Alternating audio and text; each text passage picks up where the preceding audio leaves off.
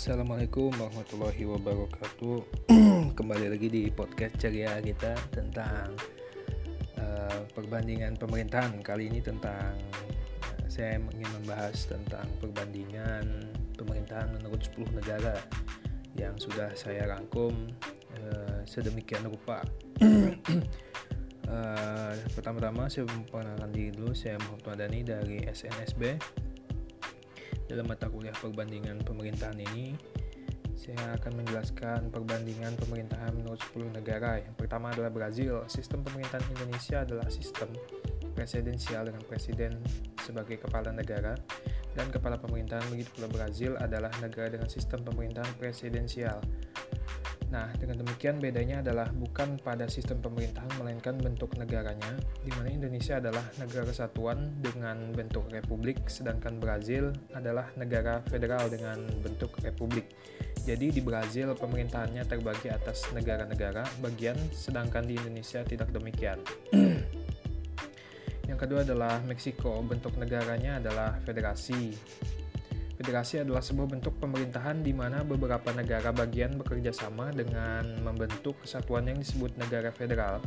Bentuk pemerintahan adalah republik. Pemerintahan republik adalah bentuk pemerintahan yang berasal dari dipilih rakyat untuk dipimpin atau dikepalai oleh seorang presiden untuk masa jabatan tertentu. Negara Meksiko menganut sistem pemerintahan presidensial. Sistem presidensial itu atau disebut juga dengan sistem kongresional merupakan sistem pemerintahan negara republik di mana kekuasaan eksekutif dipilih melalui pemilu dan terpisah dengan kekuasaan legislatif. Negara yang ketiga adalah Inggris. Sistem pemerintahan negara Inggris adalah kesatuan, bukan federal. Sebagai negara kesatuan, maka kedaulatan berada di tangan pemerintahan pusat Pemerintahan pusat membentuk pemerintahan daerah, oleh karena itu pemerintahan daerah berada langsung di bawah pemerintahan pusat. Pemerintahan pusat menyerahkan urusan pemerintahan kepada daerah sebagai kewenangan secara rinci yang dikenal dengan ultra vires doctrines.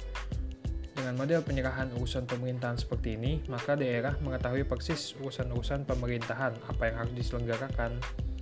Berdasarkan pelimpahan kewenangan secara rinci, inilah pemerintahan daerah tidak boleh melampaui kewenangan yang menjadi miliknya. Uh, negara keempat adalah India. Pada sistem pemerintahannya, India menganut sistem pemerintahan Republik Federal Parlementer, yaitu sistem pemerintahan yang kepala negaranya adalah presiden yang dipilih secara tidak langsung oleh parlemen untuk masa jabatan lima tahun. Sedangkan kepala pemerintahannya adalah seorang perdana menteri yang biasanya dipilih melalui pemilihan umum legislatif setiap lima tahun sekali juga. Eh, Perdana Menteri India adalah pemimpin partai-partai besar yang memenangi pemilihan umum legislatif. Negara yang kelima adalah Iran. Presiden Iran tidak mengendalikan angkatan perang kewenangan, presiden perang kewenangan, presiden berada di bawah bayang-bayang kuat pengaruh supreme leader. Kewenangan presiden ada di dalam perancangan kebijakan ekonomi. Dengan penjelasan di atas bisa dikatakan bahwa negara Republik Islam Iran menganut asas sentralisasi karena sentralisasi adalah sebuah penyerahan kekuasaan dan juga wewenang pemerintahan secara penuh kepada pemerintah pusat. Negara yang keenam adalah Jerman. Sejarah Jerman sebagai suatu negara modern dianggap baru dimulai semenjak terbentuknya Konfederasi Jerman pada tahun 1915 yang dimotori oleh kerajaan Prusia. Namun kawasan ini telah memainkan banyak peran penting, terutama dalam sejarah Eropa, sejak masa prasejarah pro-Romawi, wilayah yang sekarang menjadi wilayah Republik Federal Jerman telah dihuni oleh berbagai kelompok masyarakat berbagai etnik. Bahkan Homo neanderthalensis sejenis sejenis primata hominid yang sangat dekat kekerabuatannya dengan manusia, Homo sapiens. Negara federal desentralisasi dilakukan oleh pemerintah negara bagian, di negara federal sering kali undang-undang konstitusi negara federal meng mengatur umum umum saja keberadaan pemerintah daerah di negara tersebut seperti di Jerman. Negara Kesatuan Republik Indonesia dalam penyelenggaraan pemerintahannya menganut asas desentralisasi, dekonsentrasi, dekonsentrasi dan tugas pembantuan. Nah, negara yang ketujuh adalah Jepang.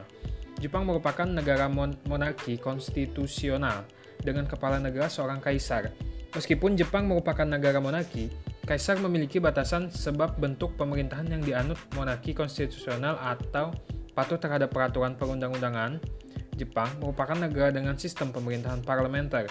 Kepala pemerintahan dipegang oleh Perdana Menteri. Kaisar hanya merupakan simbol dan pemersatu rakyat. Itulah inti dari sistem dan bentuk pemerintahan Jepang.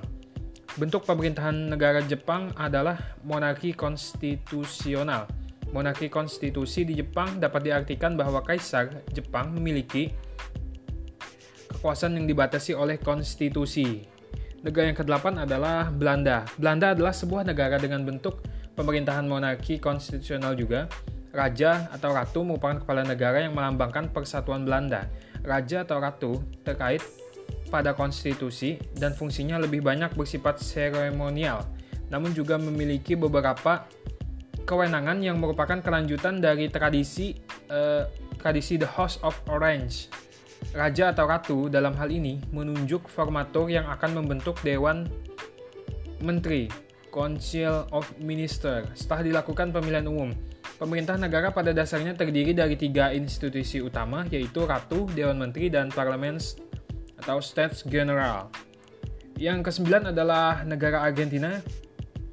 Argentina menganut sistem pemerintahan republik presidensial, yaitu sistem pemerintahan yang kepala negara dan kepala pemerintahannya adalah seorang presiden melalui pemilihan umum yang dilaksanakan setiap empat tahun sekali. Ibu kota Argentina adalah kota Buenos Aires. Argentina merupakan negara dengan sistem persatuan federal. Di dalamnya terdapat 23 provinsi dan distrik ibu kota federal yaitu Buenos Aires. Kemunculan federalisasi di Argentina ada setelah perjuangan panjang antara pendukung pemerintah pusat dan pendukung kepentingan provinsi.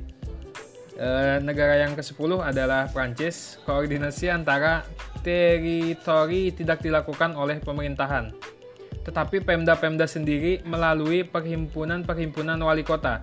Ketua Dewan Daerah, jika ada pemerintah daerah yang dilakukan oleh pemerintah daerah, diawasi oleh Prefet. Dan apabila ada pelanggaran, maka Prefet menggugat ke tata usaha negara seorang kepala daerah yang melakukan pelanggaran dapat terjadi pemberhentian sementara terhadap kepala daerah. Kalau melakukan pelanggaran, namun undang-undang tidak mengatur kriteria pelanggaran yang dapat diajukan ke pengadilan. Kepala daerah dapat juga mengajukan gugatan keputusan pemberhentian sementara itu ke tata usaha negara. Uh, des, de, Konsentrasi dalam pemerintahan Prancis merupakan warisan dari sistem yang dirancang oleh Napoleon Bonaparte. Bonaparte pada 17 Februari tahun 1800 yang dilaksanakan oleh Prefet. Kemudian dalam konstitusi Prancis pada tahun 1958 ditetapkan bahwa seorang prefet hanya dapat dijabat oleh pegawai negeri senior sebagaimana diamanatkan dalam konstitusi Prancis. Nah, jadi uh, itu saja yang dapat saya sampaikan. Semoga pengetahuan kali ini semoga pengetahuan kali ini dapat uh, dapat membantu paman pentol untuk me menambungkan usahanya. Terima kasih sekian dulu. Happy Happy New Year teman-teman.